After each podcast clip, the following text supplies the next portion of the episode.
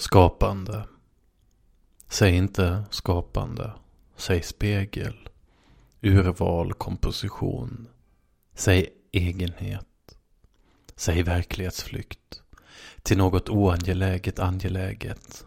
Som när drömmarna bryter sig igenom om natten och overkligheten förbyts i den ännu mer gåtfulla overkligheten.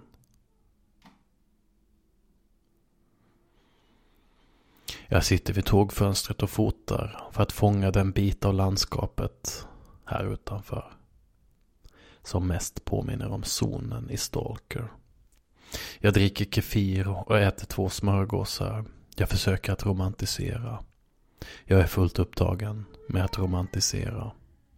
Jag föreställer mig målningar jag kunde ha målat. Landskap med kvinna.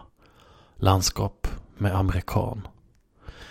Det som äter inifrån sover inte. Vad gör poeterna efter att de har läst sina vackra nummer av specialtidskriften? Vad gör de när de kommer ut bland människorna? Vilket intryck ger de på världen? Är det gott eller ont? Eller ett tredje som bara någon ser?